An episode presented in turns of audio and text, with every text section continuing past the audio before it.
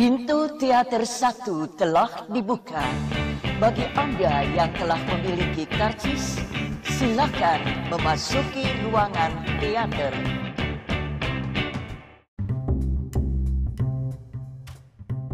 Baik lagi sama gue Mustafa di podcast Habis Nonton Film Kali ini gue akan ngebahas filmnya Ryan Johnson ya uh, Eat That Shit, Eat Shit, Eat Shit, Eat Shit, You Eat Shit. Uh, Buat lo yang belum nonton, film ini judulnya Knives Out. Uh, Film original uh, dari Ryan Johnson yang disutradarai, disutradarai, ditulis dan diproduseri oleh Ryan Johnson. Uh, sebuah film yang sangat bagus. Fuck it's so damn good. Uh, ketika gue rilis episode ini kayaknya filmnya udah mulai sedikit beredar di bioskop ya uh, karena gue nonton menjelang menjelang akhir gitu uh, dan gue sama sekali tidak menyesal uh, ternyata filmnya semenarik itu sebagus itu sekeren itu uh, anjing keren uh, uh, first of all uh, plus point dan salah satu kekuatan di film ini adalah penulisan naskah yang sangat sangat rapi. Uh, nyaris nyaris uh, tidak ada lubang atau nyaris tidak ada adegan dan kata-kata yang tidak penting dalam film itu. Bahkan uh, apa ya berhasil membuat gue gua tertipu terkecoh beberapa kali gitu ya. Uh, ini ini uh, Knives Out itu adalah salah satu contoh film yang meng menggunakan asas dasar sebuah film itu. Asas asas dasar sebuah cerita gitu. Film itu seharusnya uh, unfolding the story gitu. Jadi step by step one by one uh, film itu harusnya ngebuka satu demi satu perlahan uh, dan lu semakin penasaran apa yang akan terjadi selanjutnya itu adalah tugas utama film pada pada dasarnya gitu. Kayak misalnya lu nonton apa? Uh, apa ya? Gue mau nyontohin apa ya? Uh, apa ya yang gampang? Film superhero lah apa aja Avengers gitu. Uh, lu tahu adegan ini terjadi terus lu akan bertanya-tanya apa yang akan terjadi selanjutnya. Meskipun bukan teka-teki ya tapi lu harus merasakan pertanyaan itu nah Knives Out yang filmnya sendiri genrenya adalah misteri gitu ya. Berhasil dengan sangat sempurna untuk membuat gue bertanya-tanya ini kok udah jadi kayak gini ya? Apa yang terjadi selanjutnya? Ini terus kok mau ngapain lagi? Kok udah ketahuan siapa yang bunuh? Terus oh jadi kayak gini kayak gitu. Jadi jadi rapi penulisannya uh, anjing keren sih. Kalau kalau kalau lu uh, berkutat di bidang penulisan naskah film web series atau semacamnya pasti lu ngerasa anjing ini, ini naskah gimana nulisnya gitu. Dia bisa menggunakan adegan yang tadinya dipasang di depan terus di reveal lagi di belakang detail-detail uh, detail-detail hal yang yang lu tidak pernah expect kalau misalnya itu akan muncul lagi itu terjadi di film ini. Dan it's so good. Uh, Ryan Johnson itu kalau lu kurang familiar itu dia yang bikin uh, Star Wars The Last Jedi. Uh, beberapa episode di uh, Breaking Bad obviously uh, iya. Breaking Bad atau atau Game of Thrones gue lupa. Ada ada ada ya ya itulah. Uh, terus uh, apa lagi ya? Ya itu itu sekilas untuk Johnson-nya. Tapi Knives Out Knives keren banget men. Ini ulasan macam apa? Cuma bilang keren-keren doang. Tapi tapi itulah uh, meskipun ini spoiler gue kayak gini aja deh. Uh, rules pada dasarnya untuk podcast habis nonton film kalau lu belum nonton filmnya dan lu, lu merasa terganggu dengan spoiler mending dihentiin sekarang aja. Tapi kalau misalnya lu udah nonton dan pengen denger ulasan kita ulasan gua ya sok didengarkan. Dan kalau lu belum nonton tapi ya nggak kenapa-kenapa ya sok didengarkan itu uh, ada banyak banyak adegan yang gue suka di film ini. Adalah yang pasti adalah uh, adegan it shit it shit tuh itu keren adegan yang paling fun dalam film itu dan itu adalah mungkin salah satu adegan di mana semua karakter dalam film itu berkumpul di satu ruangan. Nah, itu itu itu yang yang bikin adegan itu jadi memorable karena karena karena kita tahu betapa dibencinya si karakter uh, Ransom ini Ransom ini kan karakternya cukup dibenci gitu ya dan meskipun uh, jadi gini uh, Ryan Johnson itu kan ngebuat semua karakter dicurigain oleh penonton gitu. Tapi pada dasarnya uh, penonton tahu siapa pembunuhnya sebenarnya di tengah-tengah yaitu si uh, Marta tadi gitu si Marta nah si Marta penonton nah ini yang gue bikin bertanya kenapa Marta dikasih tahu di tengah-tengah gitu kan? Gue ya sama seperti kisah-kisah misteri pada umumnya ya. Biasanya pembunuhan atau pelakunya gitu itu diungkap paling akhir gitu sepertiga akhir atau bisa seperempat akhir gitu. Nah baru ada konklusi di sana tentang si pembunuh itu apa yang akan terjadi. Tapi tapi ini tuh nggak di tengah-tengah. Jadi jadi si pembunuh itu dianggap gue gini sebagai penonton merasa anjing kok pembunuhnya ketahuan di tengah-tengah nih. Oh berarti uh, goalsnya bergeser yang tadinya berusaha berusaha untuk menemukan siapa pembunuhnya uh, berganti menjadi uh, bagaimana si Marta menutupi uh, aksinya gitu. Gue kebayang tadi kayak gitu. Ah ini mah tinggal menunggu gimana si Marta berhasil menutupin aksinya dan sampai si Benoit Blanc Daniel Craig itu tidak tahu siapa yang bunuh eh tidak tahu. Ya gitulah. Uh, itu ya dia menutupi gitu. Gitu goals yang gua gua gua kira. Eh ternyata memang pembunuhnya tuh belum ketahuan sampai akhir gitu. Sampai sampai akhirnya uh, semua celah dalam lubang kecil lubang kecil gitu ya. Kalau yang diomongin Daniel Craig itu ini tuh lubang di dalam donat ditutup sama donat ditutup sama donat lagi tapi tetap masih ada lubang kecilnya. Dan gue tahu sekarang siapa lubang kecilnya itu yaitu si ransom. Ransom Huge Ransom Hugh Drysdale anjing. Sampai nama tengahnya si Hugh itu aja jadi clue gitu. Anjing kan fuck lah. Fuck. Uh, ini ini sebuah ironi. Anjing sebuah ironi. Di waktu yang bersamaan di hari yang bersamaan ya gue menonton Hangout sekilas film Hangout di televisi dan what the fuck? Uh, you know Hangout what I mean? Uh, lu tahu film Hangout mana yang gue maksud itu kan mencoba untuk mengungkap misteri juga gitu ketika gue bandingin sama Knives Out itu ya anjing. Satu persennya aja nggak ada nih. Eh uh, tapi uh, gue penasaran apakah film Hangout itu dianggap sebagai B movie ya? Ya gak sih? Kayaknya B movie deh. Memang ditarget untuk untuk untuk menjadi B movie gitu bukan film kelas A atau uh, atau ini ini uh, sebuah definisi yang salah tentang B movie tapi ya itu kayaknya Hangout itu B movie. Jadi ya tidak apple to apple untuk membandingkannya dengan Knives Out gitu ya.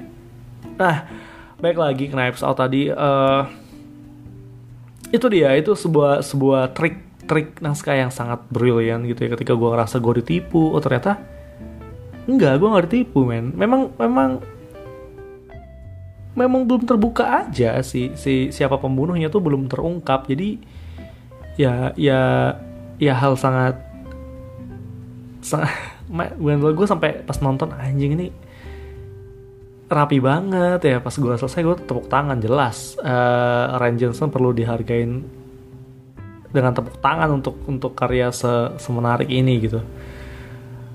Uh, apa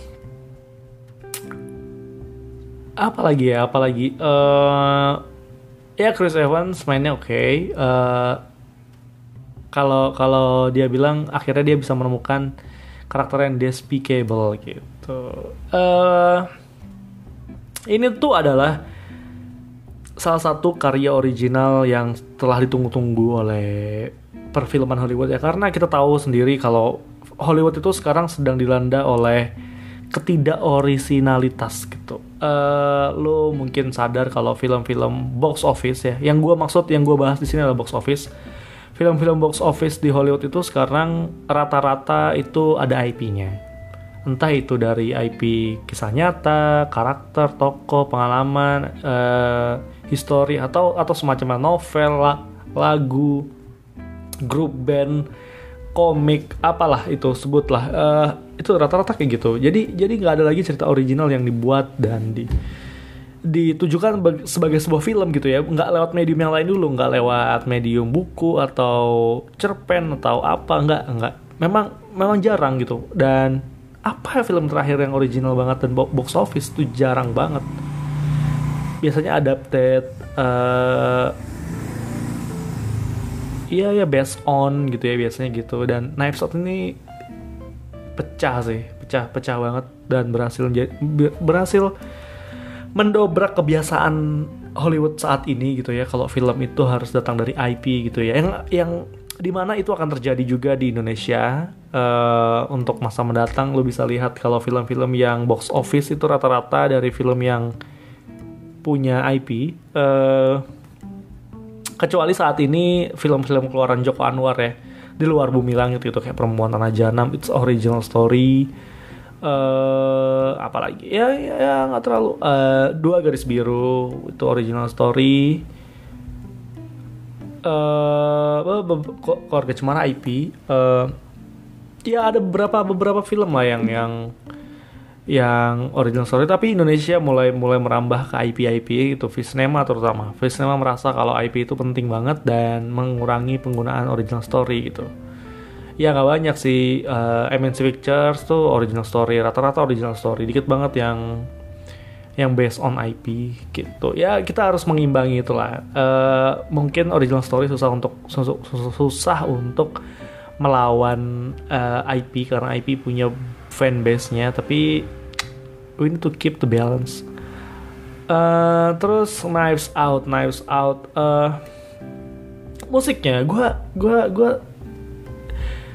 sedikit banyak teringat dengan serial Sherlock ya. Eh, kalau Sherlock itu British sekali dan sangat serius eh, ada unsur komedia tapi fast pace gitu ya cepet banget rasanya kalau nonton nonton Sherlock itu dan biasanya teka-tekinya dalam biasanya. Biasanya even the the main character is not know uh, what's he dealing with gitu ya. Dia dengan siapa dia berurusan dan bagaimana mereka bisa menyelesaikannya. Tapi Sherlock is a very good implemented film about detective and mystery uh, dan Knives Out itu salah satunya juga yang terbaik gitu rasanya beda karena lu tahu uh, datang dari sineas yang berbeda jadi rasanya jelas berbeda.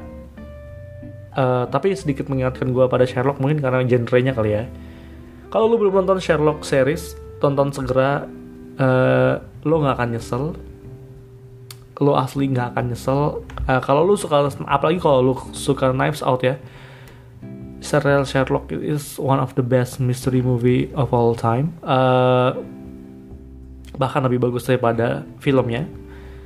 Sudah jelas sekali itu ya tidak perlu diperdebatkan lagi eh, dan ya ya keren.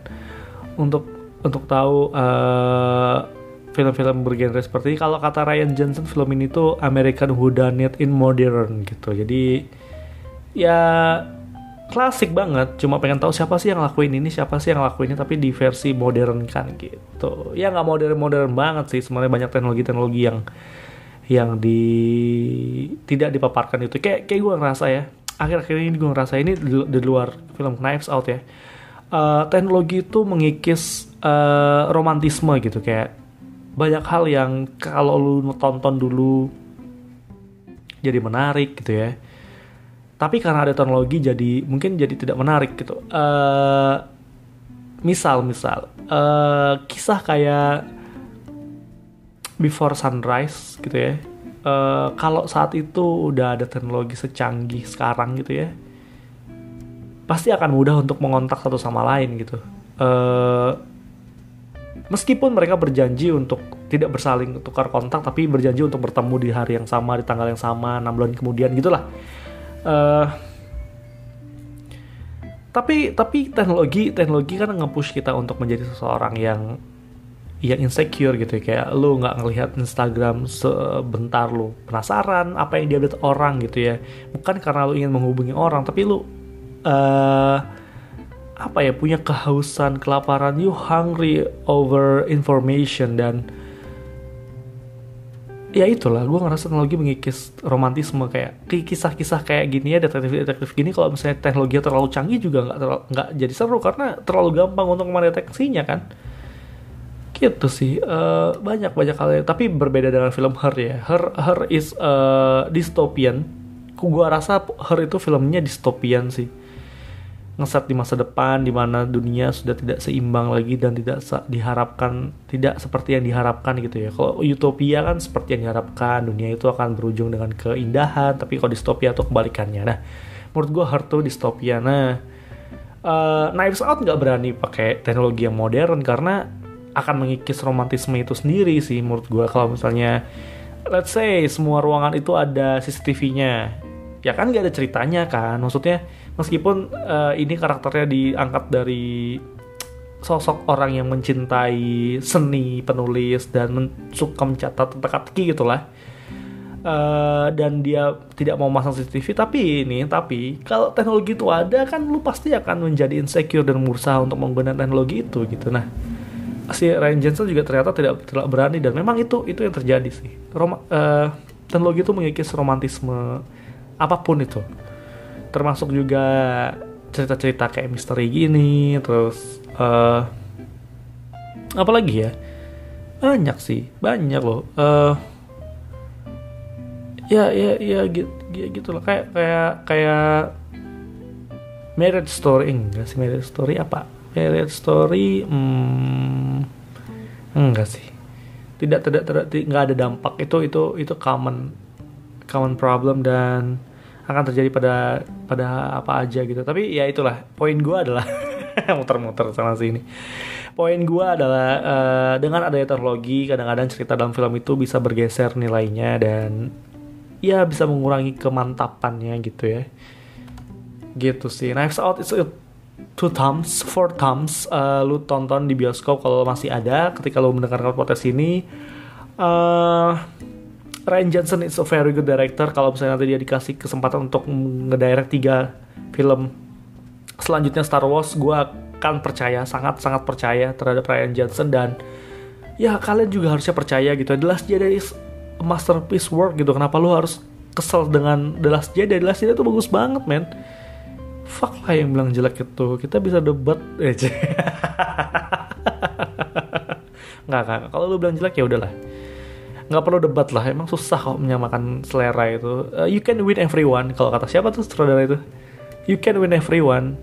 Lu nggak bisa menangin semua orang gitu. Jadi ya tapi Ryan Johnson is good director. Uh, you have to trust him Uh, itu aja untuk episode kali ini. Jangan lupa nonton Knives Out di bioskop terdekat. Oh, jangan lupa juga follow podcast Habis Nonton Film di Twitter, Instagram di @habisnontonfilm. Dengerin juga podcast Habis Nonton Film di aplikasi Noise secara gratis.